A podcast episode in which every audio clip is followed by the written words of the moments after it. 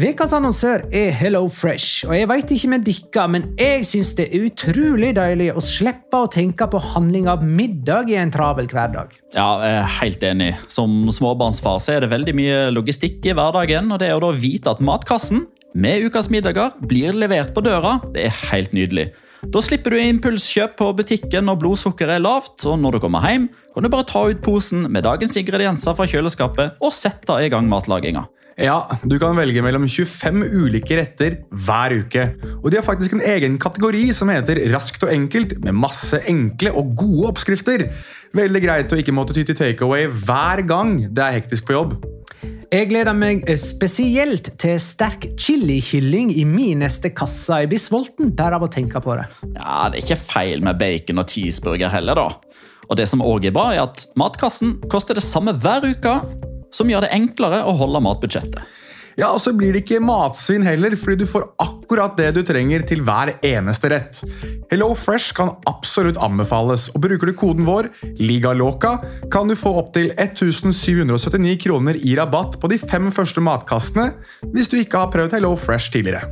Du kan også prøve koden hvis du har avslutta abonnementet ditt for tolv måneder siden eller mer. Gå inn på hellofresh.no og bruk koden LIGALOCA. Bon appétit! Hallo?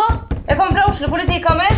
Ine Jansen er purk. Er du purk? The motherfucking bitch. Alt jeg vil, er å finne ut hva som skjedde med mannen min. Jon Carew. Er jeg sikta for noe? Iben Akeli. Det er du. Ole So, Lars Berrum og Big Daddy Karsten. Hvem sin side er du på, egentlig? Anette Hoff, Tone Danielsen, Kommer du fra Afrika? Jørnis Josef, Nesten. Kløfta. Trond Espen Seim. Det er synd å si det, men det var feil mann som døde. Purk. Premiere tirsdag på TV2 Play.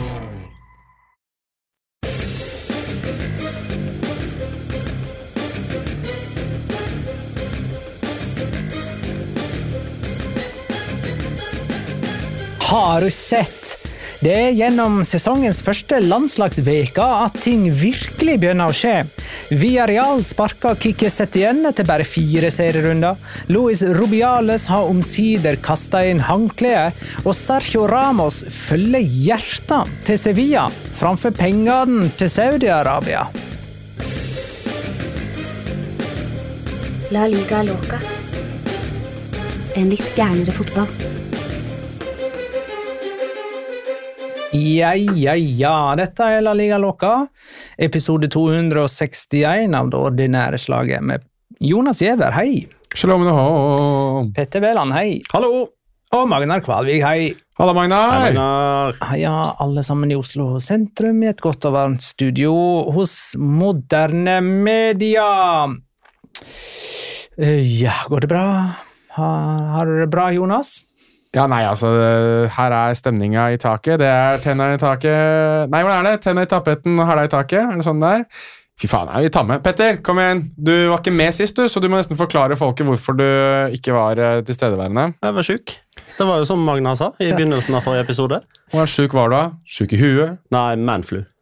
Manflu, ja. Ja, så ordentlig sengeliggende med 39,5 i feber. Hva var det siste gang du hadde 39,5 i feber? Nei, Det var forrige gang jeg hadde litt off fra jobb. det da, så ett år i forveien. Skal jeg komme med en uh, stat sånn helt i starten av episoden her nå, sånn at jeg har fått gjort det? Visste dere at i dag, altså 11. september, for syv år siden, så spilte vi inn vår første episode av La Liga Loca? Første ordinære. Første ordinære. Det er stort. er det 11. september. Det var 11. september. Ha, det er jo ganske lett å huske. For det var, en, det var Så- valgdag. Da har du altså Du har folk som sier aldri mer 9. april. Det kan ikke ha vært valgdag. Det var valgdag fordi Nei, ikke for 20 år siden. Jo, husk det, det var et valg som ble utsatt fordi at det var korona midt inni der òg, vet du. Så det er faktisk et eh, Det er faktisk Nei, nei. akkurat. Nei, det Nei, kan nei, ikke nei. stemme. Det må det ha vært. Korona var jo i 2020. Må, Du kan jo ikke utsette fire år før fordi det kom en pandemi. Ja. hadde, vi, hadde, vi, hadde vi noe imellom det i så fall? Hadde vi en eller annen pilotepisode vi spilte inn i så fall? da? For det var en, Jeg husker at til vår første episode så Kan det ha vært du amerikansk valg? Nei. Du og jeg kom fra å ha spilt inn You Never Talk Alone med Rasmus Wold til å dra ned til det gamle studio ved Gunerius. Og der spilte vi inn vår første episode av La Liga Loca. Dette var jeg, jeg er veldig sikker Jeg har ikke sjekket Jo, men altså, det var valg i 2001, 2005, 2009, 2013, 2017. Men da er ikke det sju år siden, da er det seks år siden. da. Det er seks år siden! Det er seks år siden. Det var 2017. derfor ble vi tatt på senga. Ok, fair enough. Seks år siden. Så alle hadde rett, og alle hadde feil. Ja, seks år siden, syvende sesong. Der Ja, er vi. Der er vi det. Og folk sier aldri mer 9. april. Da traff jeg kona mi. Folk sier aldri mer 11. september. Da spilte vi en første La Liga Loco-episode. Vil du vite hva annet som er eh, på 11. september? Det er kebabens dag. Så vet dere det. Det er faktisk ikke tull. Har ikke stemt. Jeg har Ja. stemt. Bra, det er godt. Har du? Har du? Ja, ja, ja. Ja, det er bra. Forhånds eller i dag? Uh, nei, altså, eh, valglokalet åpna faktisk i går, søndag 10. i Oslo. Så Ja. jeg stemte den 10. september. Ja, jeg gikk i dag til valgurnen og stemte. Forhåndsstemte i Spydeberg på torsdag, så 100 valgoppmøte og valgdeltakelse altså, i La, La, Loca-redaksjonen. Da er småsnakket ferdig. Ja, da må vi over på konkurranse. For det skal vi ha. Ja, det skal vi ha. Okay. Hvor hen? Vi skal ha det i vår eh, Discord. Det er i alle fall der, eh, Og på Patreon så blir det lagt ut et sånt eh, ja, ikke spørreskjema, men et skjema som man fyller ut. Vi skal basically Det som er hovedessensen her, er å tippe tabellen, men det er noen tilleggsspørsmål òg. den er åpen for absolutt alle som er Patrion. og det blir man på uh, patrion.com slash La Liga Loca. Mm. Og premien, Jonas, det er noe som ligger ditt hjerte nærmt. Det ligger mitt uh, hjerte nært. Først må vi gi en riktig så stor shout-out til Eivind, som har satt seg ned og laget dette her. Han gjør dette her også for Managing Madrid på Discord. Uh, så er det viktig å ta med at du får faktisk lov til å være med i dette selv om du ikke er i Discorden, men holdt på å si bare vanlig Patreon-medlem. Men vinneren av dette, altså den som vinner på slutten av 2023-2024-sesongen, får en valgfri La Liga-drakt for 2024-2025-sesongen, finansiert av La Liga Loca. Så det jeg anbefaler nå, det koster jo da åpenbart ikke mer enn å være medlem i Patreon, at man da får en ganske så god deal. Den tid disse fuckings draktene koster da over 2000 kroner, for dere som har lyst til å være jævligst mulig med budsjettet. Sa de hva konkurransen gikk ut på?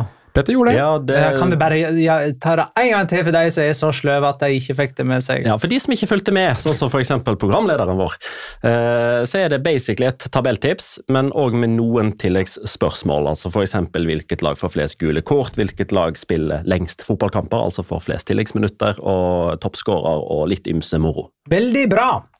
Spania slo Georgia 7-1. Eh, vi har ikke sett Spanias kamp mot eh, Kypros.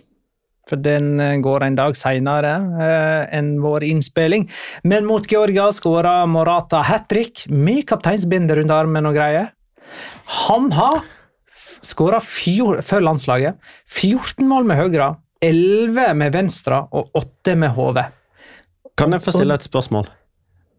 Uh, ja, jeg vil bare påpeke at han på en måte er en sånn litt sånn type komplett uh, spiss, Nei, som ikke har spesialiteter. Han er litt god på alt. det er ikke komplett. Mm, jo, men, jo, men uh, du trenger ikke være jævlig god selv om du er komplett. Han er gjennomført medioker.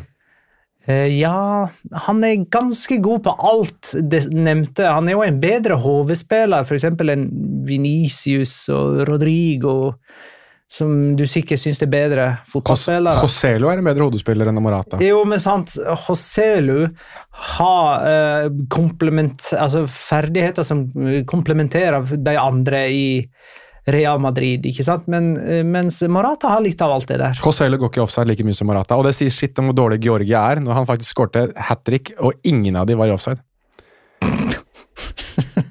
Men ja, han fikk ikke annullert mål i til... Altså, han var fall avvinka for offside i kampen. Det må han ha vært. Men, det, men det, det kan jeg ikke ta ham på, for det er spisser som regel i hver eneste kamp. Så det skal, det skal jeg ikke ta ham på. Men jeg eh, For øvrig veldig bare Ja. bru til mitt spørsmål. Kom igjen, da. For mitt spørsmål er når skal vi egentlig gi Alvor Morata den anerkjennelsen som han fortjener? Svar Al Som han fortjener! Mm. Når han fortjener han? Nei, men altså Du, vi- nei, nei, nei, nei. Jeg skal, jeg skal, nå skal du få høre anerkjennelsen som Alvor og Morata skal uh, ha gjort. Han har spilt Snakke kjempehøyt. Jeg har ikke fått spilt av den vet. Jonas Giæver løs. Ja. Uh, høyt blodtrykk. Og så noen til. Får jeg lov til å fortsette nå? Her er anerkjennelsen Alvaro Morata skal få. Real Madrid, Juventus, Chelsea. Atletico Madrid, nesten en overgang til Barcelona. Nesten en overgang til Manchester United. Det er anerkjennelsen Alvaro Morata får, altså. For det er en spiller som har fått det maksimale ut av sin karriere med tanke på hvor medioker han er. Ja, men det er der jeg liksom begynner å lure. Fordi vi er flinke, av og til dårlige, til å sette liksom spillere i bokser. Og derfor blir de. Fordi vi er litt for opptatt av at vi har plassert de der, så da skal de aldri ut derifra. Ja, okay. Altså, Vi snakker her en mann som i går spilte sin 606. kamp i profesjonell karriere for landslag og klubb. Det har han gjort på et skyhøyt nivå. Ikke hans prestasjoner, men han har spilt over 600 kamper på et skyhøyt nivå hver helg, hver midtuke, siden 2012. Han har skåra 242 mål. Han er den fjerde mestskårende spanske landslagsspilleren gjennom alle tider, og de tre som er foran, snakker vi om som guder. Jo, det er, det er for så vidt et veldig godt argument, og det er vel kanskje det som gjør at uh, han blekner litt i forhold. Fordi de tre som ligger foran og hvis Jeg nå, jeg vet ikke om dette er da Petters spørsmål sen- senere i episoden, Nei, det er det ikke. men jeg gjetter på at de tre er vel Fernando Torres, Raúl og David Villa. Ja. Ikke sant? Og det er, Fernando Torres for så vidt er kanskje den ene av de tre som etter hvert blekna litt. Der slo Ole Aasheim av den episoden. Ja, men han har, han har ikke hørt den til å begynne med, så det går helt fint. Ehm, men, men poenget mitt her er at eh, jeg tror at de tre, da, som er det han skal på en måte uh, Raúl bar et landslag på sine skuldre ganske lenge. Et sånn medi medi- medioker. Spania var medioker ganske lenge.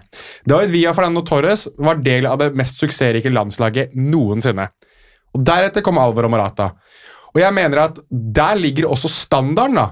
Og den er han ikke i nærheten av. Og i, no, og i løpet av de klubbene vi var inne på, altså med, kanskje med unntak av Atletico Madrid, så har han ikke vært i nærheten av å være førstevalg eller fortjent førstevalg basert på sine prestasjoner. Dermed så står man i et scenario der, helt enig med Magnar, han kan gjøre det med høyre, han kan gjøre det med venstre, han kan gjøre det med huet. Men han gjør det ikke så ofte at vi kan si at han er en komplett spiss. Men han er gjennomført medioker. Gjennomført han, eh, helt på er- snittet. Han er 30 år nå, eh, og Fernando Torres han slokna jo fullstendig i 2011. Da var han 27.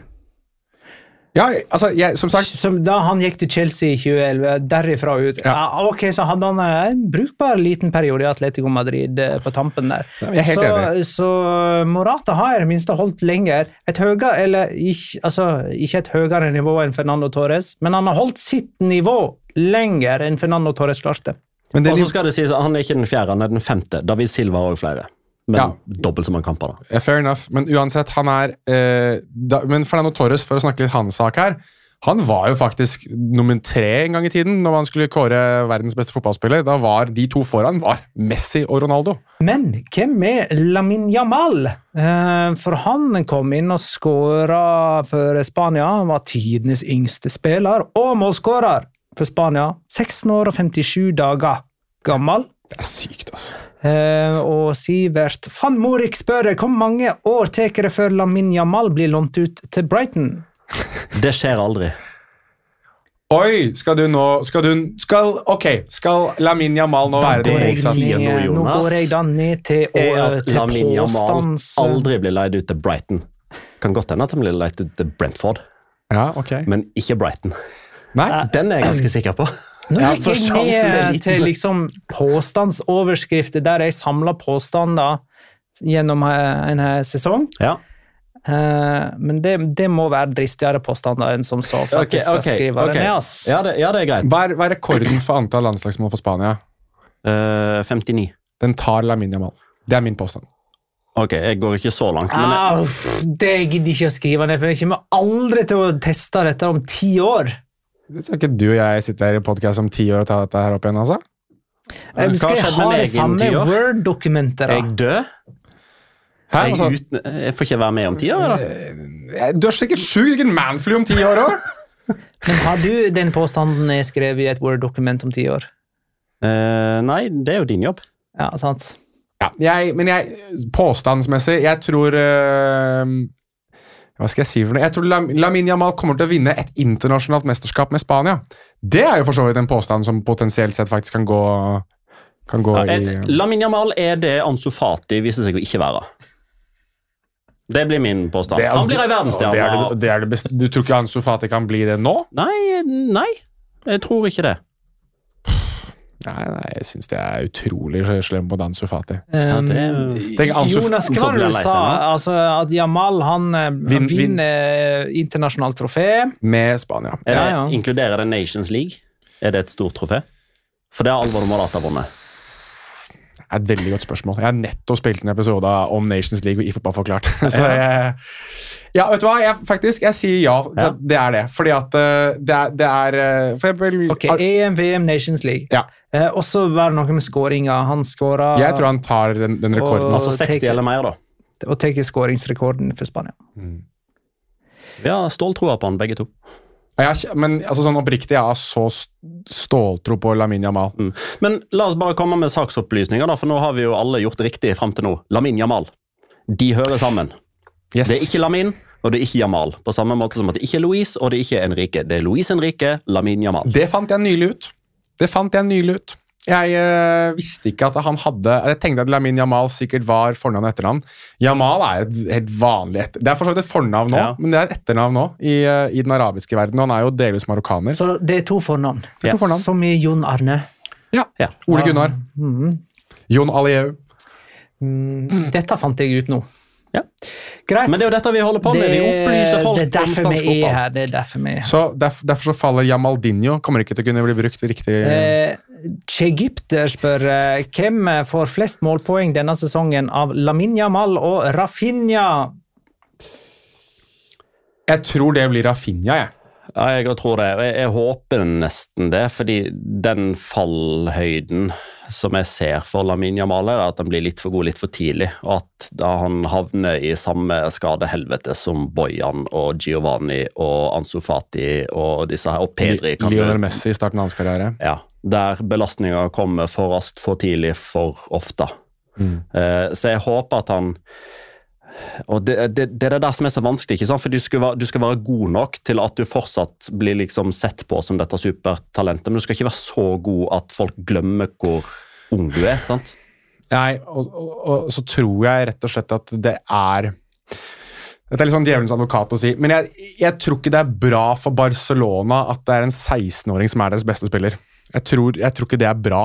Um, det, sier, det sier i hvert fall hvor status på klubben er i da snakkende stund, når det er en 16-åring som Men- gjør, det men- bedre, gjør det men- beste av alle. Men nå skal jeg eh, kjøre og, eh, et, i et håp om at for jeg, bare, bare si det sånn da, Når det gjaldt Ansu Fati, først og fremst så tok jeg feil.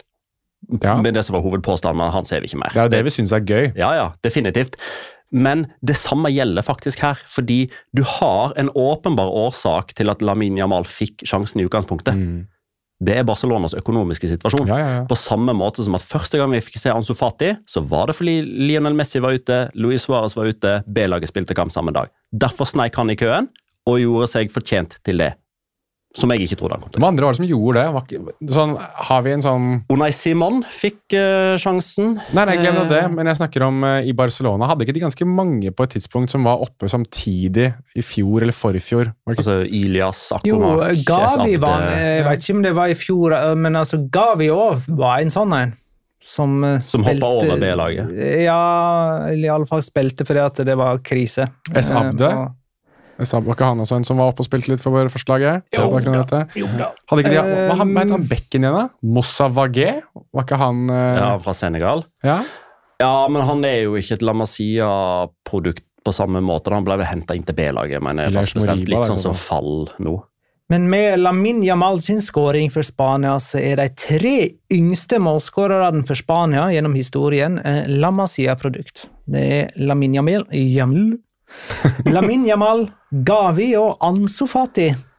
Ja, og jeg lurer på om alle de fem yngste i moderne tid òg er Lamasia-produkter. Mm. Hvis man liksom går bort ifra Sobieta og den gjengen på tidlig, tidlig, tidlig fotballhistorietid. Viktor Halne spør når, når slukker Spania det bitte lille EM-håpet Norge har?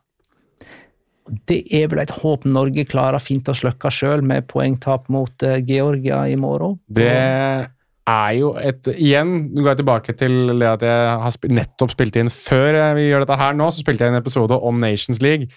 Og Norge kan jo, trenger jo ikke nødvendigvis å gjøre noe bra i denne EM-kvalifiseringen. De kan jo fortsatt få playoff de, til Nations League, eh, eller til EM via Nations League. Så det er vel først og fremst det vesle håpet vi klamrer oss til nå, for eh, noe playoff um, har jo Norge aldri lykkes i. Men det blir jo, det blir, ja, ja, vi driter jo vi- kommer sikkert til det playoffet, og så driter vi oss ut der òg. Det er jo vår greie, det. Eh, Men ellers, eh, som sagt, Spania møter jo Kypros, samtidig som Norge spiller mot Georgia. Mm. Uh, ja, jeg, husker, jeg har ikke det helt i hodet, men Spania har, er jo framfor Norge med en kamp mindre spilt, mens eh, eh, Skottland har jo full pott. Ja, Skottland har tolv av tolv mulige. Eh, og Martin Veivåg Weivåg lurer på hvordan Norge skal slå Spania i oktober. Det skal vi ikke. Altså, helt, altså, helt umulig er det jo ikke. Nei. Men, men det er Skottland liksom klarte det, liksom. Ja, og altså, kan, kan Skottland, så kan Norge. Det som, det som jo liksom er eh, positivt for Norge sin del, da, for å forsøke å snakke opp våre muligheter der, det er jo at det er nest siste kamp i gruppespillet. Og da tror jeg at dette her er en kamp som for Norge sin del betyr null niks nada zip. Altså, de kan spille med lave skuldre, ingen forventninger, og da kommer det ofte en litt sånn der forløsende boost som gjør at vi får trua, og så ramler vi hardt igjen etterpå. Ja, best når det ikke gjelder. Det er vel det som er oss. Ja. Nei, men da tror jeg vi har besvart eh, det viktigste spørsmålet. I hvert fall noen av dem. Mm, er det flere spørsmål dere sitter inne med? Eller Til hverandre, inne? liksom? Nei, om eh, Nei. Spania og Georgia. Eventuelt eh, Spania og Kypros. Nei! Vi kan snakke om at Rubiales vel er ferdig som spansk fotballpresident nå. I et intervju med Piers Morgan eh, at det der kom ut. Altså, Er det bare jeg som syns det er sånn åh, Kom igjen, da. Nei, ja, på en måte, men samtidig så tenkte da jeg så at det var Piers Morgan som hadde hatt intervju med Louis Rubiales, så første jeg tenkte var at det, det er muligens det mest passende mennesket til å intervjue Louis Rubiales, da. Sånn, altså, det, der er det der, der Hva var det Altså, rottene spiser hverandre, hva er det, hva er det ordtaket igjen? Eh, jeg husker ikke. Det er i hvert fall noe sånn De, de to sammen er i hvert fall det riktige, den riktige duoen. Rottene spiser hverandre. Det var ny. Eller- eh, morsomt. Nei, vi kan ta det annet. enn På seg selv kjenner man andre. Er, er jo for så vidt en ganske grei, da. Eh, og, og Like barn leker best. Ja, der har du det. er noe med rått Kanskje det er på engelsk? Kanskje jeg blander? Kanskje det er på spansk? Ja. Det er mandag, vet du, Magnar. Det går litt kjapt i huet mitt, og litt for kjapt innimellom. Men ehm, på seg selv kjenner man andre, går vi for. Og der synes jeg at uh, Rubiales gjorde litt riktig i å velge Piers Morgan. Uh, og så må det jo sies at uh, han når jo ut til flest mulig ved å snakke med Piers Morgan. Han er jo en ekstremt polariserende figur, eh, Morgan. Så det, Men er han kjent for altså, Cristiano Ronaldo-intervjuet? Jo, ikke sant? Og da, da var han på en måte et slags mikrofonstativ for Cristiano Ronaldo, som fikk liksom bare sagt Han det han seg. ønsket å si, uten å egentlig bli stilt kritiske spørsmål, fikk jeg inntrykk av. Og, og er det derfor man går til han, eller? For å få, få et mikrofonstativ, et, et kjent et og nå ut bredt? Jeg veit ikke. Jeg, jeg, Nei, jeg har ikke sett bare- intervjuet, men har ennå. Nei, eh, derfor har jeg ikke sett intervjuet. Det er litt, jeg, jeg er ikke så close med Pears at det bare får en WeTransfer-link. Ja, bare jeg som har det, vet du. Uh, Men uh, det, det virker jo veldig som at det som er planen, da, altså når Brett ut han får fortalt sin versjon uten å få motbør. En annen ting jeg bare får sagt under intervjuet der, jeg, det er jo bare det klippet som sikkert du også har sett. Nei, Jeg har ikke sett. Ikke sett. Nei, Det var det som lå i Discord, eller? Det ligger i Discord, Ja. det ligger uh, Trykte aldri play på det. Nei, du har heldigvis tilgang. Det kan man få via patreon.com slash Galigaloka for dere som har lyst til å se det klippet via vår Discord. Den ligger der.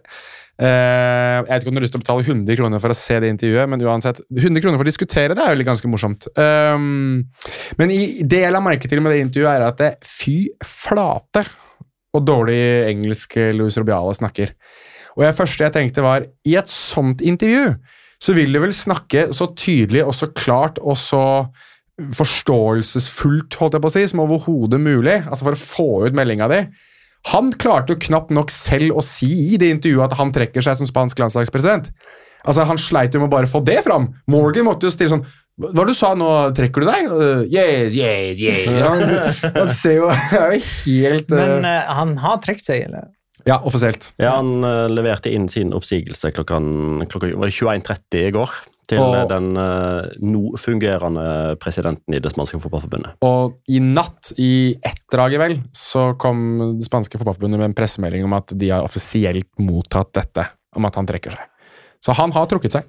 Yes. Får det noe betydning? F.eks. For eksempel for Luis de la Fuente, som jo er spansk landslagstrener, og satt og klappa så stolt den famøse Nei, altså, du, generalforsamlingen, eller hva man kalte det. Det er ganske sterke personligheter i fotball-Spania som nå vil benytte anledningen til å få en sånn full opprensing. At nå må de liksom eh, Nå må alle gå. Ja, altså nå må de liksom eh, sprøyte inn giftstoffer i forbundet, sånn at alle ja, rottene forsvinner.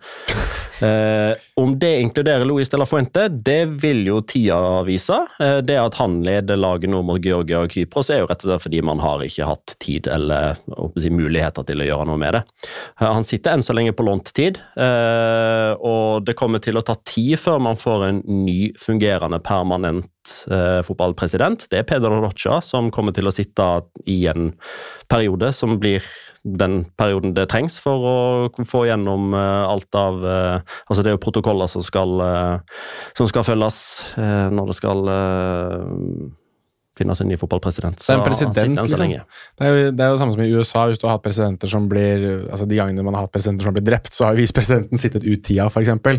Så det er ikke utenkelig at Nei, men eh, kommer ikke til å sitte Nei, nei, nei, nei ikke, ikke så langt. Man kommer til å sitte i en periode. Ja. Men det er jo allerede du ser allerede det nevnes Jeg så at eh, Marca foreslo Mateo Laos som spansk fotballpresident. Seriøst, liksom? Ville ha Mateo Laos som president? Ja, seriøst altså, Jeg forsøkte liksom å finne ut hvem han vedkommende var, eh, som skrev den kronikken. Eh, og landa vel på at eh, det type hadde vært hvis Jon Martin Henriksen hadde skrevet i VG. Altså, oh, ja. jobber som journalist, kan masse fotball, men det er òg humor inne i bildet her. Ikke alt må tas sånn 100% seriøst. Nei, jeg synes bare Det lå jo inne på den kommentarsida til Marka, som pleier å være ganske bra for Ja, ja. Så, eh, men Iker Casillas er jo den som ville bli det sist gang, i hvert fall. Men som da tapte vel i det valget mot Robiales, var det ikke sånn det var? Eh, jeg lurer på om ikke Gaiska Tokero ja, også har vært oppe som en, som har blitt nevnt som mulig fotballpresident. Han er vel noe sånn for, for spiller... Han må, uh, hvis, han blir David fotball, Aganso òg er jo Nei, han blir ikke. hvis han blir Nei, men det han fotballpresident fotball... eh, Eller Niso Nå er det det, Ja. ja. Mm.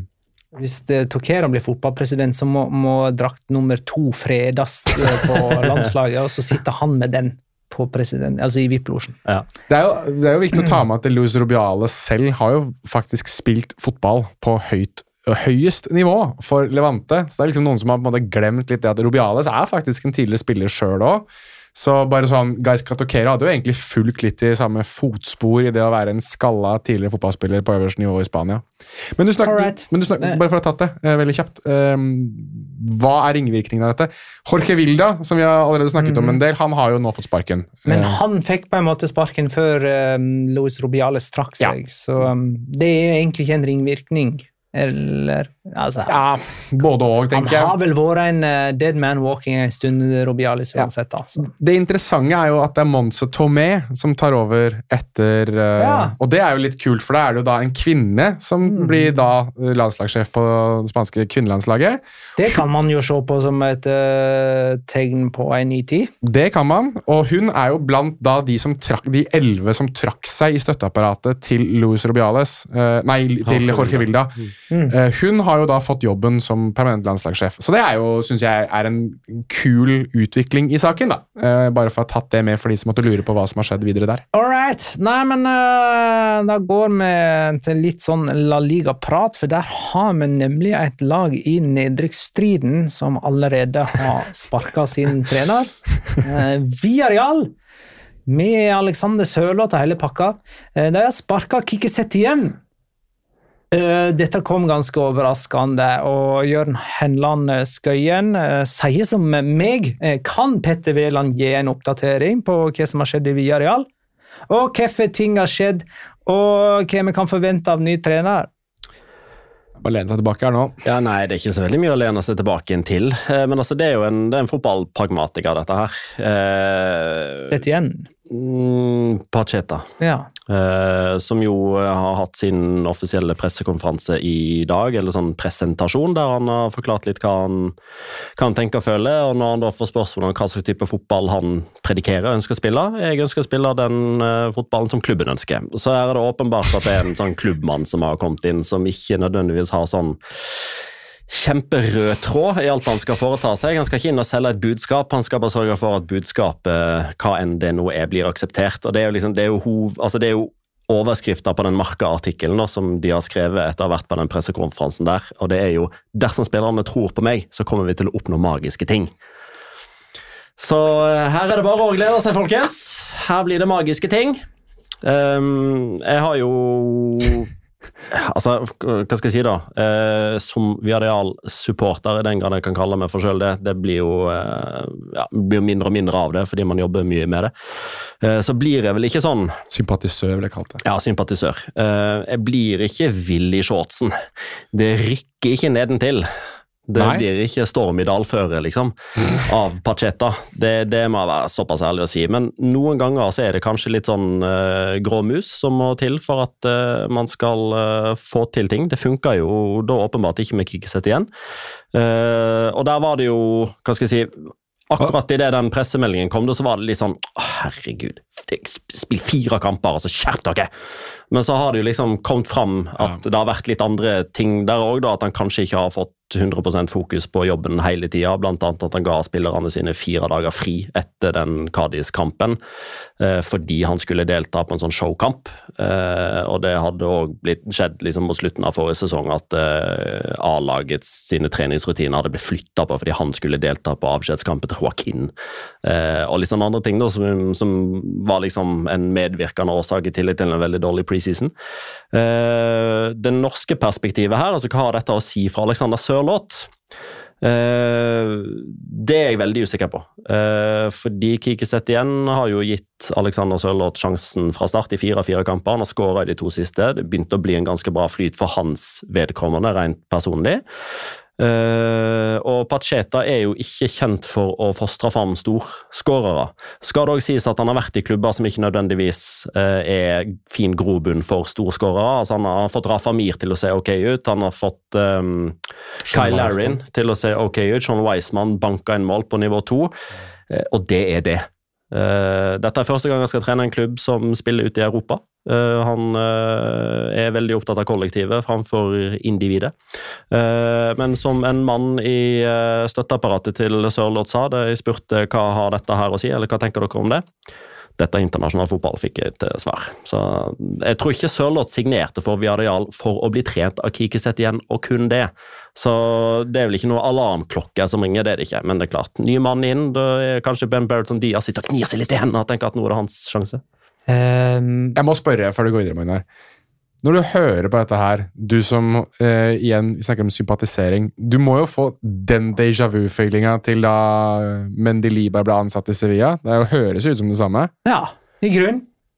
Ja, det minner litt om det, ja.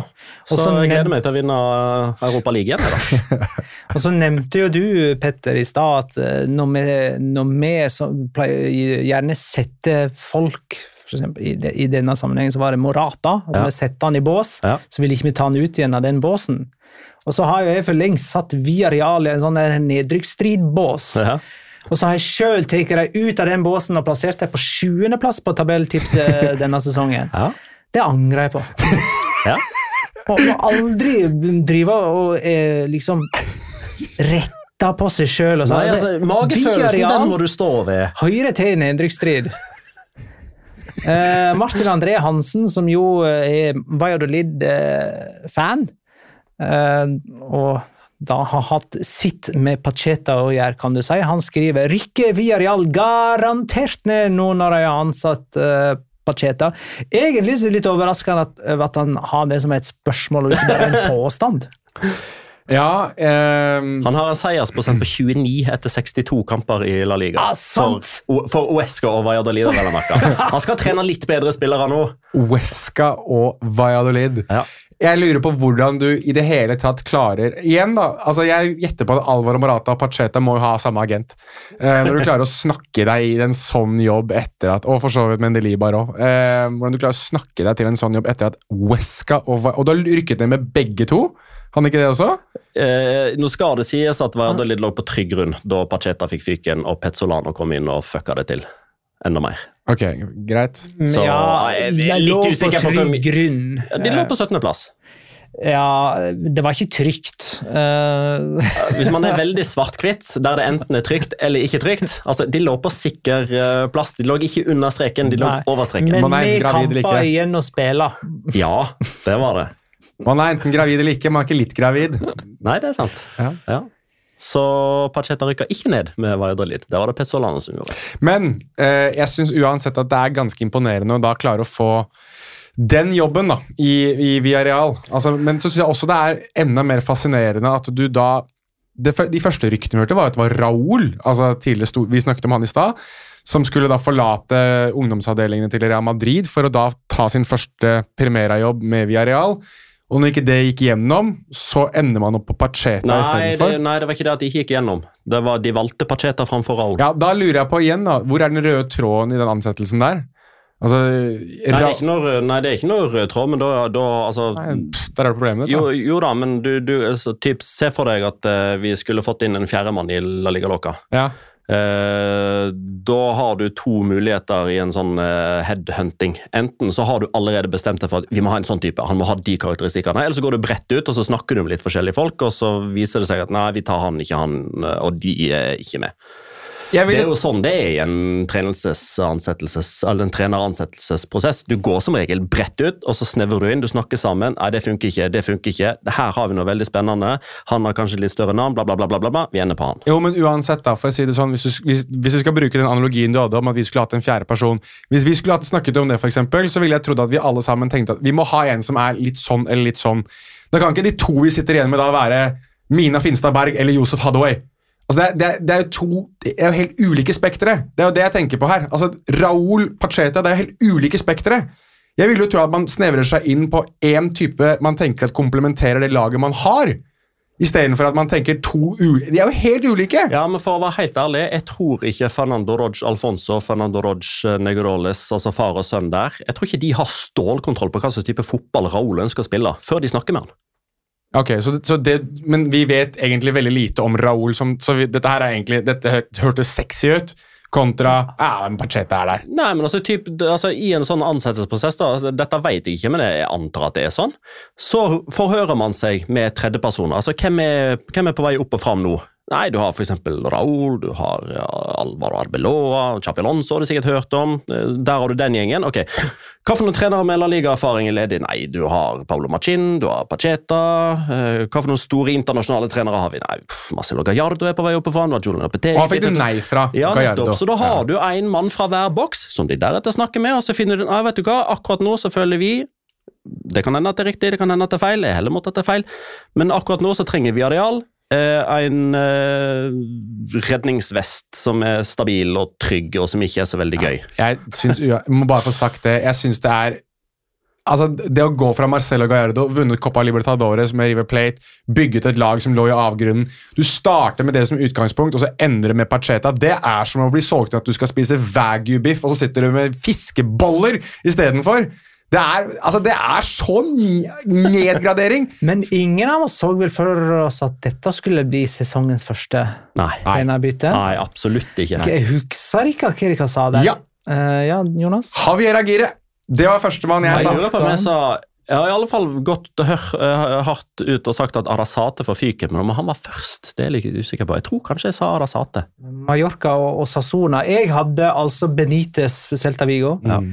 Eh, Der mente altså Petter at han, han blir for dyr å sparke for dem. ja. Så jeg tok jo da med at de òg blir, hele klubben blir sparka ut av eh, La Liga etter den trenersparkingen. Ja, ja, nei, men uh, Nei, men altså, Celta Vigo har trenerbytte i november. Sånn er det bare. Tradisjonen tro. Yes. Uh, Sergio Ramos er klar for Sevilla, tilbake dit etter 18 år. Gjenforent med eh, Jesus Navas etter 18 år.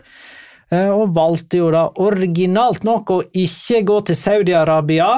Eh, Det var en sånn 23 000-25 000 mennesker på Ramón Sánchez Pijuan da han ble presentert. Eh, Og her igjen eh, blir Petter tildelt ei oppgave. Nei, det er ikke du konkret. Da kan du og Jonas få være med. Her ifra Alvaro Torres Arjona. Det hadde vært ålreit med en redegjørelse av kontroverser rundt Sergio Ramos-overgangen. Eh, Jeg ser ultraene eh, har uttrykt misnøye med overgangen. Tror flere av oss har bruddstykket av årsaken vagt i minnet, men det hadde vært ryddig med en oppfriskning. Er det en ren forklaring Altså, det er jo Sergio Ramos sin holdt på å si bunnløse kjærlighet for Real Madrid over Sevilla. Han, han har vel annet hatt noen skåringer på jeg har fått én skåring jeg husker på Ramón Sánchez Pijuan, der han vel kysset Real Madrid-logoen, hvis jeg ikke husker helt feil. For eksempel. Men Eh, var ikke han Har ikke han fått en eller annen sånn der eh, Nei, jeg, jeg, eh, jeg lurer på om det er Var det Biris Norte som fikk Ja. en sånn her karantene for ting de har ropt mot Sergio Ramos? For seks år siden. det høres Altså, riktig de, ut. Det. de var straffa fem år etterpå, eller noe. Det høres riktig ut. Jeg vet ikke om det er noen offisiell forklaring på dette, Petter? Du... Nei, altså det, det, er ikke, det én ting, Uh, men det er mer ei rekke av ting som har blitt sagt eh, og gjort i intervjusetting og på Ramón Sánchez Pizjuan. Måten han forlot klubben på på deadline day i 2005. Og ja, de endte jo opp med hva var det, et par dager eller et par timer etterpå. altså bare De de fikk slengt Ivica Dragotinovic i, i fleisen, og det, det funka jo, det. Eh, det er mer dette her at eh, Sergio Ramos vel ikke har behandla Sevilla så bra som han sjøl mener at han eh, Hva skal jeg si eh, Hvis du tar det Sergio Ramos har sagt og gjort, opp mot det han sier han har av kjærlighet for klubben, så er det ikke samsvar her. Eh, og det er vel mer òg eh, altså Én ting er at det er Sergio Ramos, eh, personen, fotballspilleren, som kommer tilbake igjen, men det er vi må se det hele i en litt større kontekst enn bare Sergio Ramos. For det Biris Norte, som jo er Sevilla-ultrasene, er særdeles misfornøyd med José Castro, presidenten. Eh, sportsdirektør eh, og først Monchi, også Orta. Eh, ikke like mye Monchi som Orta, fordi sønnen til Monchi er en del av Biris Norte, så der er det litt interessekonflikter. Eh, og eh, det det jo egentlig går på, er jo som alltid, det bunner seg ut i hvordan det går rent sportslig. Går det dårlig sportslig, så ser man automatisk opp på eh, El Palco, altså oppe på VIP-tribunen, og så retter man pekefingre. Og det har jo vært et overgangsvindu som altså vi kårer de til en av de dårligste. Ramos endrer nok bitte lite grann på det. Eh, men de aller fleste ser på dette her som et sånn et sprell, et PR-stunt fra Sevilla-presidenten for å redde ansikt, eller for ikke å tape ansikt. Typ, se her, se hvem vi får tilbake igjen. Eh, helt, eller byens store sønn, nå skal han tilbake igjen for å frelse oss og ta oss til Champions League-trofé, og han skal kysse klubbemblemet og se hva vi gjør for dere, kjære supportere. Men supporterne sitter sånn Men det er ikke dette vi vil ha. Men så har du over da 20 000 da, som møter opp på Ja da. Så det er, Eh, så de, definitivt. Altså, mannen i gata, den jevne Sevilla-supporter som ikke er politisk engasjert, og som ikke går i korstog, og som ikke står med bannere på tribunen, og som ikke er blant de som bruker pyroteknikk, og som ikke er de aktive ultras som skaper liv og rører både på sosiale medier og på kamp, de er kjempehappy, de, fordi de ser på merittlivet og tenker 'oi, kult'. Ja. Mens de andre som virkelig liksom lever Sevilla dag inn, dag ut, og som ikke tar alt som kommer fra president og sportsdirektør og bare sluker rått, men som har egne eh, sofistikerte, velfunderte tanker og meninger om hvordan Sevilla har blitt drevet nå de siste årene, de ser bare dette her på, på det som en sånn, et PR-stunt. Skal vi kose oss litt med Sevilla sin lagoppstilling til helger mot Las Palmas? Dimitrovic 31. Eventuelt Ørjan Nyland, som ble 33 i dag. Gratulerer! Gratulerer! Høyrebekk eh, Jesus Navas på 37. Høyre midtstopper Sergio Ramos på 37. Loic Badé på 23. Høy, Oh. ser man det? Og Acuna på venstreback, 31. Så begynner det å bli interessant på midtbanen. Der får man litt mer sånn valg, men man kan jo ta Fernando da, på 36. Eh, Rakitic på 35. Hvem skal vi ha med sammen? Skal vi ta inn uh, Oliver Men Torres, kanskje? Men, men skal, skal dette passe narrativet, eller skal vi ta det vi tror? For hvis narrativet bestemmer her, så må jo Godel inn Ja, tilbake, tenker tilbake, tilbake på Godel midten. inn der på 31, da. Eh, og så får vel eh, Altså, Mariano Diaz får jo sin debut. Ja. Han er 30. Erik gammel er han blitt nå? Eh, Han er 31, han skal jo ta den ene kanten, og så, er det, så blir, står det mellom Soso og Oliver Torres da, på 29 og 28 på den andre kanten. Ja, Soso. Eller og Campos, Ja. 29. Ja, Og Campos. Ja. Ja. Ja. Det er en ganske er Snittalder på 32 eller noe sånt? det? 32, 33. Katta. Det er, Og eh, Kvann spør jeg, hvor lenge får Mendy Libar være trener for Sevilla? Ja, Eldstemann der òg. Spørs om de finner noen eldre. Louis van Hall er sånn han kanskje har lyst til å komme tilbake i Roy. Hodgson. Men Roger. Libar er 62, så jeg tror Pellegrini er hakket eldre, Ja. for å si det sånn. Der ble jeg faktisk litt overraska. Jeg trodde han var eldre. Jeg trodde han kunne gjøre som han ville. Nei, eh, Pellegrini er nok eh, og, Men han hadde jo Det hadde jo vært eh, det absolutte PR-stuntet hvis de hadde fått Pellegrini til å bytte Betis på Sevilla. Men jeg, jeg tror jo, bare for å ha sagt litt om Ramos, da, veldig kjapt altså, Jeg tror jo Dette her er jo litt eh, Michael Laudrup-greiene, da. eh, er jo, han ble jo bua på, selvfølgelig, som et helvete av Barcelona sine supportere da han byttet fra Barcelona til Real Madrid. Og det var vel Jorge Valdano som sa det til han en gang, at eh, de buer så intenst på deg fordi at en gang i tiden så elsket de deg så intenst.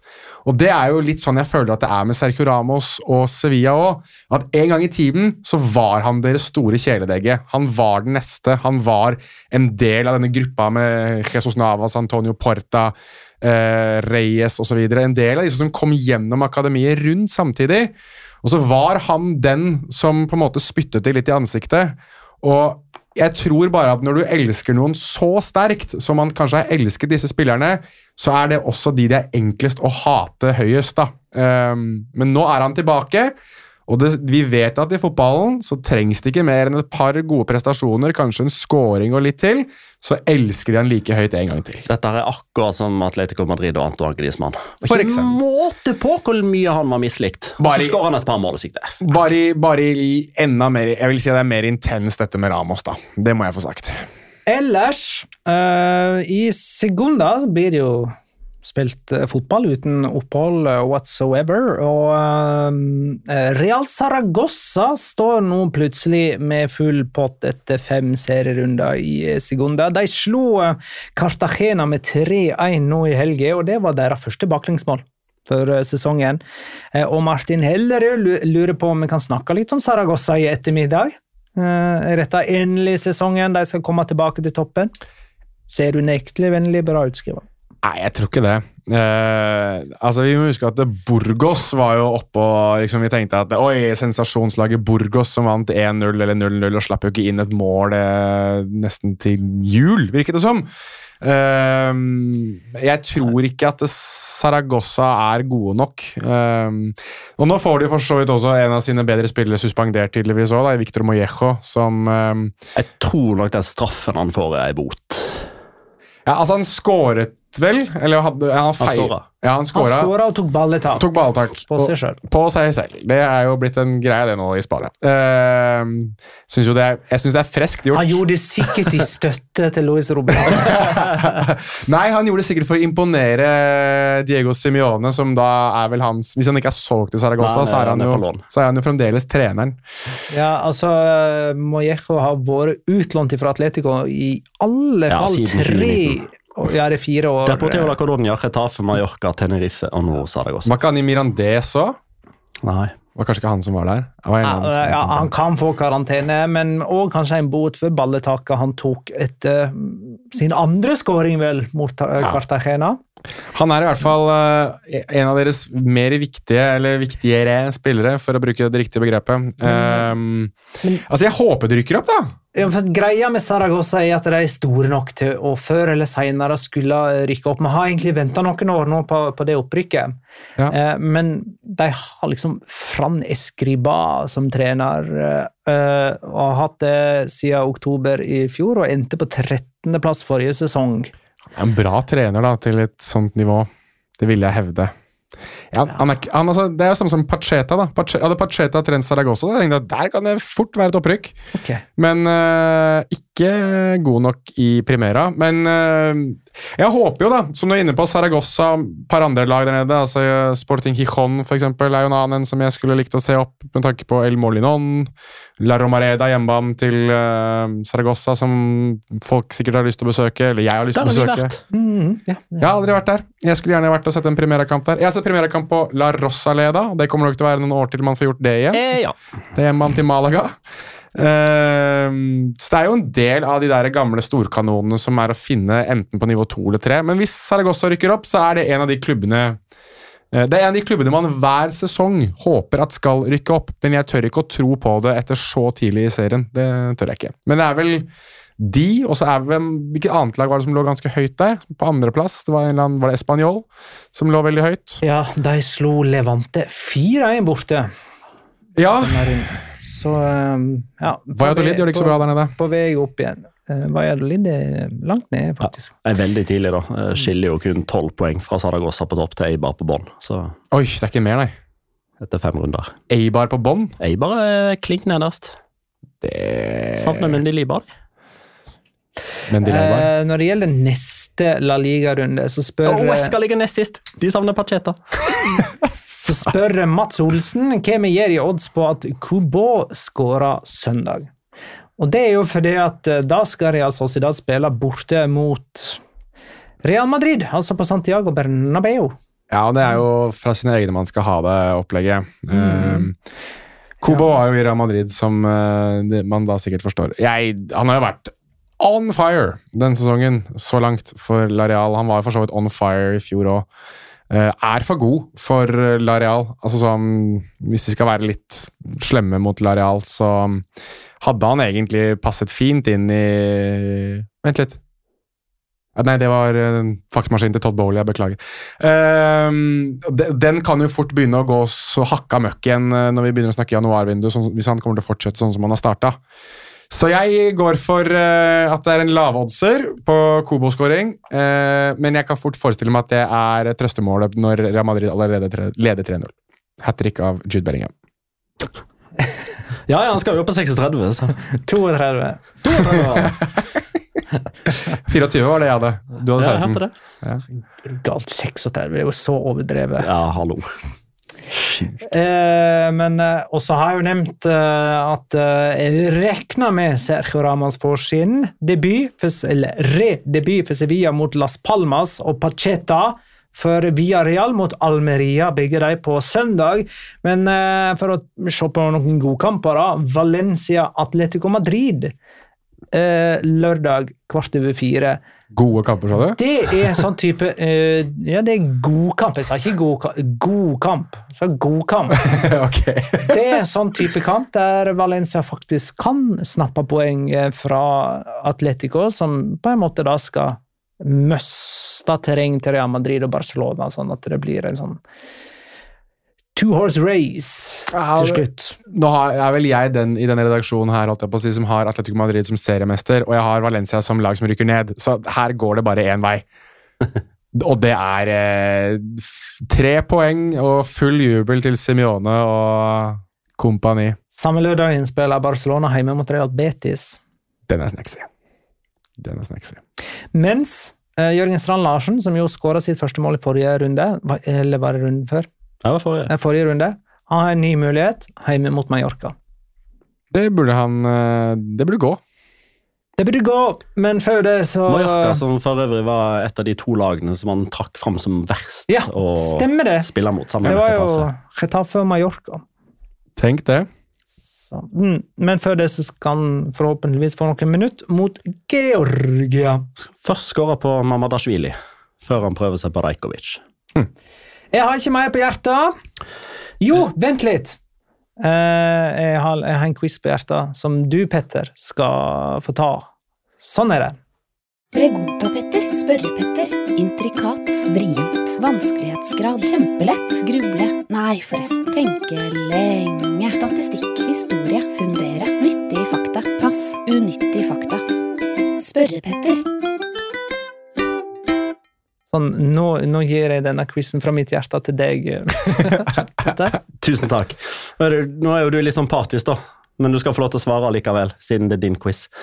Det er jo egentlig sånn Svare på sin egen quiz er jo litt sånn ja, ja. Ja, nei, det var noen dårlige formuleringer her. eh, Det var det. Ja, um, men vi holder oss eh, til Sergio Ramos. Uh, vi skal en liten uh, uh, trip down memory lane. For han kom etter alle solemerker til å få sitt eh, comeback i Sevilla-drakta eh, nå til helga, altså i september 2023. Den aller siste kampen han spilte for Sevilla i forrige epoka, var i august 2005, hjemme mot Racing Santander. Jeg er spent på hvor mange startelvere til Sevilla dere tar kom. den kampen. Startelveren til Sevilla I 2005? august 2005. Ja. Da er det altså da ti dere skal fram til, for Sergio Ramos er jo da den ene. Andres Palop i mål. Det er helt riktig. Vær så god. Her skal Navarro inn her i midtforsvaret. Eh, nei. Faen. Luis Fabiano. Nei. Han satt på benken som ubenytta reserve. Wow, jeg hadde ikke trodd han var der. i Eh, en liten saksopplysning her, da. Eh, Sergio Ramos spilte i denne kampen høyre stopper. Ja, Kan Daniel Alves ha vært der? Daniel Alves er riktig. Okay. Ikke Navarro, altså. Men Navas Jesus Navas er riktig. Han spilte høyre kant. 05, da har Reyes allerede dratt. Da er han i Arsenal. Kanoté. Fredrik Canoté er riktig. Åh, Kan Chris- Christian Paulsen vært der? Nei, dette var før hans tid. Uh, herregud. Men det er en russer her, eller? Nei, ikke i denne kampen. Er han på benken, han da, eller? Nei, ikke på benken heller. Men på denne, dette her var jo i, i håper jeg, før den moderne fotballen, så det var jo kun uh, sju mann på benken her, ikke tolv, sånn som det er nå. Men i sesongstart 2005-2006 så var det ingen russere der heller. Adriano er her ikke. Det er for tidlig for han, ikke sant? Det er ikke for tidlig for Adriano, men han spilte ikke denne kampen. Men eh, han derre italieneren eh, som nå er trener i okay, Mosquera Masquera Eh, Enzo Maresca Maresca! han kom inn for Jesus Navas. Jesus Christ. Men dette, dette spissparet, det, det må jo være et ganske kjent spisspar. Så vi skal ha bare start Uh... Eh, du tar jo ja, benken nå, da. Altså, dere, dere får jo anerkjennelse her ved å plukke folk som er i Sevilla-troppen, men som ikke ble plukka ut av Sevilla-trener Juan de Ramas til akkurat denne kampen. Sånn, så dere får masse anerkjennelse. ja, og dere, det er mange gode opplevelser her. 05-06, de vinner jo Uefa-cupen, da. Det er Puerta! Ja, ja, selvfølgelig. Ubenytta reserve, men han er Nei, for faen, ass! Den var jo, det var jo en jævlig det, Den var bra, Magnar. Den likte jeg. Uh, Det er noen djupinger her som er, som er jeg, jeg tror oppriktig talt Jeg er veldig glad i dere, men jeg tror ikke dere tar de. er han her han uruguayaneren Chevanton? Ja. Nei. Walter Pandiani er ikke her? Har han vært i Nei, han har kanskje ikke det heller. Jeg prøver meg på kapell. Nei. Åh, den er også bra. Diego Kapell. Diego Kapell er ikke med. Ja, han var i kapell. Så Nå, nå har dere keeper, høyreback, høyre stopper, høyrekant og en Men spiss. eh, eh, har vi sagt Dragotone og Dragutonovic? Han, han- han tar han, han ble jo da henta inn etter Sergio Ramos Ja, ja, ja, du nevnte, ja, det nevnte du i stad. Mm. For at det, eh, altså, jeg husker noen her, og så er det noen av disse andre Sevilla-lagene, som kommer, sånn som Stefan Mbia og sånn, kommer jo etter dette her igjen. Ja. Så det Det er, var 2013-2014. ja. Men, men her har vi to liksom, kall det epoker for Sevilla sin del. Ja. Og liksom Kolodjejczak og Krykowiak kommer, kommer rundt, kommer senere der, ikke sant? Så jeg, jeg, jeg sitter og tenker på alle de spillerne òg. Det er en basker i mitt forsvaret som spilte for Atletic før og etter tida i Sevilla. Eh,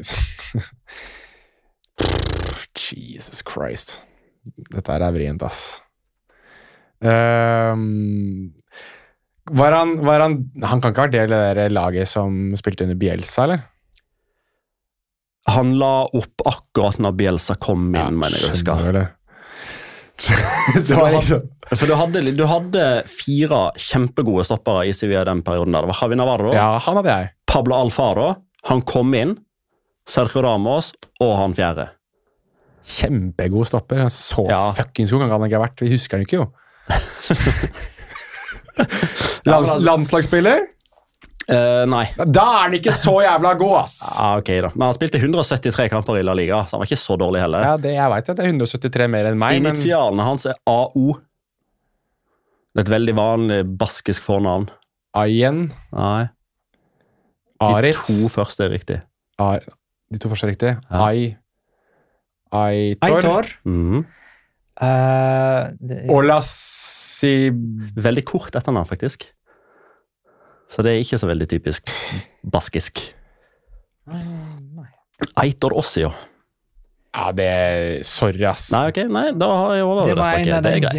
en av de djupingene. Den er djup for Nei, meg. den var faktisk ikke djup, altså. Ja, da lurer jeg på Venstre, venstrebekken for min del er djup, i og med at dere ikke har tatt den. For han er en sånn som dere enten kan eller ikke kan, tror jeg. Er, det så, er, er dette en spanjol? Ja. Ja, for da, da sliter jeg, skjønner du. For at det hadde her vært noe sånn Han er fra Grenadinene, eller noe Ja, sånt. Sånn, da, dere tar, for da har dere mer å knagge det på. Her Ja, ja, ja. er bare en av mengden. Altså, det var han som mista plassen til Antonio Puerta, liksom. Ja. Kåke! Kåke, du mener han som nettopp ble tatt for narkotrafikking? Jeg så det. Ja. Og han eh, sa at Han Jeg uttalte sånt jeg, jeg, jeg, er ikke, jeg, jeg, eh, jeg er ikke Paulo Escobar, men jeg har mine kontakter. Fy faen. Med K. Eh, altså den Kåke med K. store Nei, Kåke med K. Og som ikke er han Kåke med K som spiller nå i Atletico Madrid. Og ikke Kåke med C, som ble matchvinner for Sevilla i Champions League. Nei, han, han. Nei. Men venstrebekken til Sevilla i 2005, som vi gjorde ute etter, David Castedo. Ikke Pepsi, altså? Uh, nei. Eh, og venstrebekken, eller venstrekanten, er den som er dypest. Han, han har ikke jeg noe erindring av heller. Er det en brasilianer? Ja, Nei, det er en venstre eh, Kant. wingback. Antonio Lopez, og det er ikke han som var i Atletico Madrid og spilte på landslaget. Det er ikke han. Altså, jeg, jeg, jeg lurer bare på uh, Før vi går videre, vi skal gå videre til neste her. Men når du lagde den quizen her, Mm. satt du og tenkte liksom sånn at mm, Dette her tar Jonas og Magnar. Nei, den her var djupingen som jeg ikke forventa dere tok. Nei, nei, jeg tenker hele Starbucks-ringen. Satt du liksom Dette her er ikke for vanskelig for de to. Dette tar Nei, her tenker jeg sånn, her skal de ha Ok, skal jeg være Erik Niva i When We Were Kings? Altså, Det er ræva om dere ikke har åtte av elleve, tenkte jeg. Hvor mange, Men har det kan vi, dere fortsatt hvor mange har vi nå, da? Dere har fem, og det er tre igjen. Ok, Jesus så de tre Christ. må Nei, eh, Og jo, Aitor jo, og- jo, da inkluderer vi Sergio Ramos. For dere har Palop, Alves, Ramos, Jesus Navas og Canoté. Det mangler tre. To sentrale midtbanespillere og en spiss. Ja, Den spissen føler jeg at vi burde kunne klare å ta. Det, det, den tenker jeg at eh, Altså, Den spilte i tospann med Kanoté på topp der. Jeg ville trodd at det var Luis Fabiano. Det var stort sett det. Og så var jo Kersakov eh, med han i ny og ne, men ikke denne gangen, åpenbart. Så her er, Dette er jo da tydeligvis en eller annen som har eh, sneket seg inn. da. Ja, altså, dette her er da altså Men, han, start... men har vi nevnt Renato? Riktig. Sentralen mitt. Ja, bra. Ehm, denne spissen, da, han hadde Dette her er da starten på hans mest suksessrike Sevilla-sesong. Der han starter ni kamper i La Liga. Har spilletid i 26 da, og skårer seks mål. Så ble han solgt til Westham. Åh, spiss fra Og så Sevilla til Westham. returnerte han et- etter et særdeles mislykka opphold, der han starta én kamp, til Retafe. Altså, Sevi- Sevilla Westham West Ham Retafe. Ja, han er, er et Sevilla-produkt. Han kommer fra B-laget. Han spiller denne kampen her med drakt nummer 30, fordi da har man jo B-lagskontrakt. Så Westham, så Retafe, så Recreativo, og etter det så er det ingen som har hørt om tid Når da, Retafe? Eh, fra 2007 til 2010. Så han er faktisk med i Euro-Retafe her, da. Eh, skal vi se her Det er jo Bayern, Bayern Getafe, liksom, med Abondanzieri og sånn. Han har fire kamper i Europa League for uh, Retafe, men ikke mot Bayern München. Nei, men det kunne jeg, jeg kan nest, Den startutstillingen hadde vært litt enklere, syns jeg. Men eh, den her Det tar vi ikke en annen Nei, det gjør vi ikke nå. Det kan du og jeg ta på bakrommet. Eh, men det Er er dere helt blanke? Nei, jeg er ikke helt blank, skjønner du. Gi meg, nå, må, nå, må du, nå må du gi meg to sekunder her til å bare sette huet mitt For jeg, det er Jeg en ga deg et hint.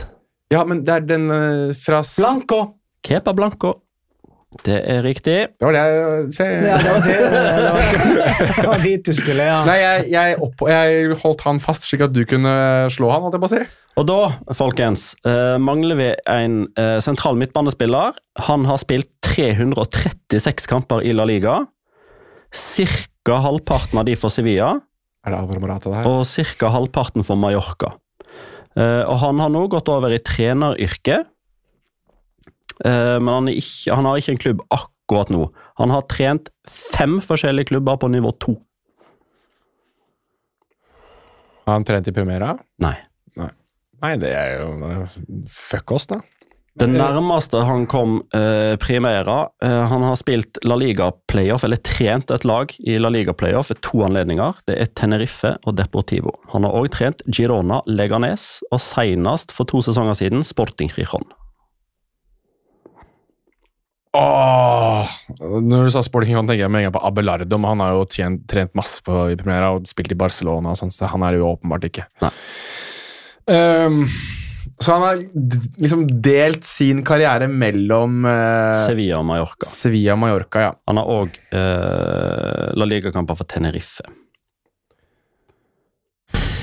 Mallorca Jeg holdt på å si Juan Arango, tenkte jeg på men han, det er jo ikke han. Han har ikke vært i Sevilla. Og Nei, og der hadde det òg vært et, liksom, et hint om at han var fra Venezuela, men han her er altså spansk.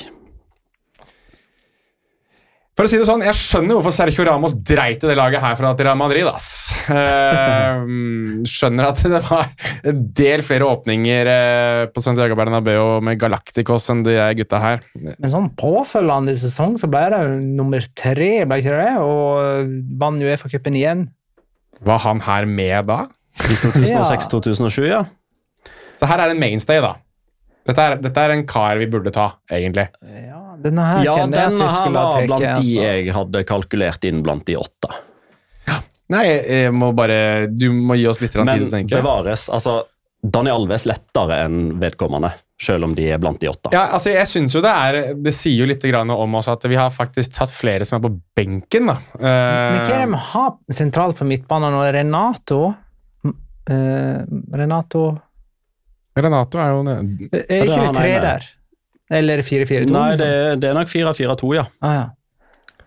Med Antonio Lopez på venstre, Jesus Navas på høyre. Er dette en rottweiler, eller er den litt mer elegant? Ja, altså I løpet av disse nevnte 338 kampene så skårer han åtte mål. Ja, det er den rottweiler. Det er, en som har, det er det en som har vært god til å løpe. Ja. Det er Eh, litt sånn type under radar-spiller. ja. Nei, jeg melder pass. Gi meg, gi meg et minutt her, da, så jeg bare kan få tenkt litt. Nei, men må runde av snart òg. Ja, ja, jeg vet, men jeg, jeg irriterer meg at ikke jeg tar sånne som det her. For jeg, med, Når du sier det altså For å si det sånn, da. Den, denne midtstopperen som jeg har glemt navnet på allerede. Eitor Osio. Ja, han eh, Det ble for dypt for meg. Ja. Er det på samme nivå som han? Nei, uh, Eitor Osio var nok nummer åtte av de én til åtte. Han her er nummer sju. Hva faen? Men jeg tror ikke det hjelper noe. Nei, nei, du får bare si det. José Luis Marti. Nei, det Sorry. Eh, I do not Jeg, remember. eh, jeg, hadde, jeg kommenterte denne playoffen eh, han hadde for Deportivo, mener jeg. Ja. Og det mener jeg kan ha vært Det var mot Mallorca. mot nettopp Mallorca. Mm.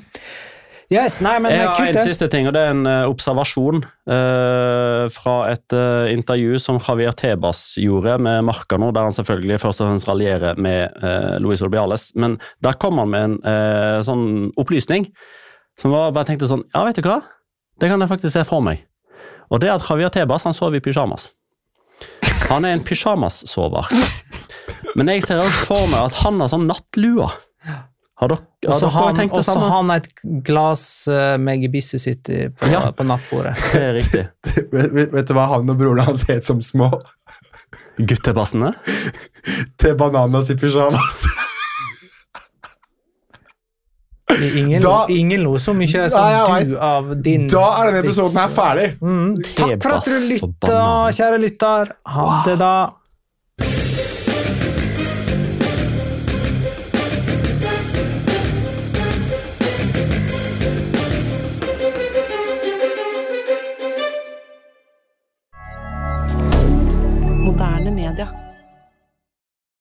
Har du et enkeltpersonforetak eller en liten bedrift? Da er du sikkert lei av å høre meg snakke om hvor enkelt det er med kvitteringer og bilag i fiken, så vi eh, gir oss her, vi. Fordi vi liker enkelt. Fiken superenkelt regnskap.